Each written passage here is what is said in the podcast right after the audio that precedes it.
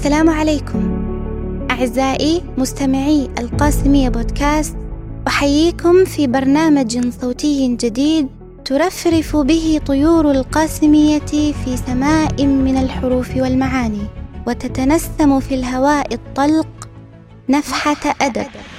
معكم في هذا البرنامج طيبة جليل. نفحتنا لهذا اليوم قصيدة لي بعنوان سامح.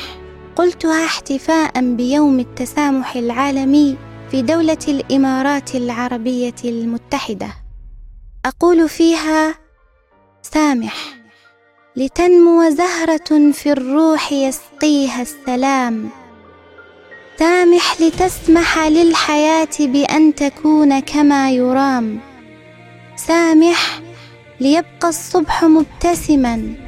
ليرقص في الفضا سرب الحمام سامح ورتل بعض آيات الوئام على الأنام. أمسك عليك رذاذ حرفك. واكظم الغيظ الذي كالوبل يهطل مهلكا. عند الخصام. كم من كلام عابر نكأ الكلام. كم من كلام عابر نكأ الكلام.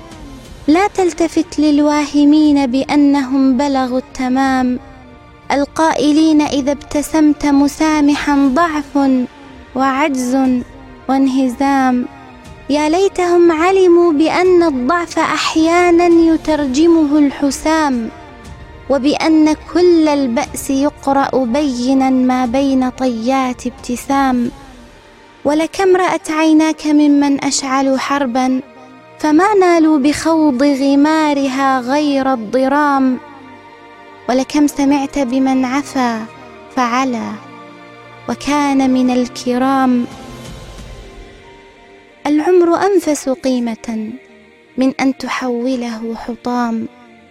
العمر أنفس قيمة من أن تحوله حطام والقلب أطهر فطرة من أن يلجم بالظلام. سامح لأجلك سامح لأجلك كي تعيش منعما تتوسد الأقمار تحتضن الغمام. سامح وقل موتوا بغيظكم فرادى إننا أبدا أبينا الانهزام.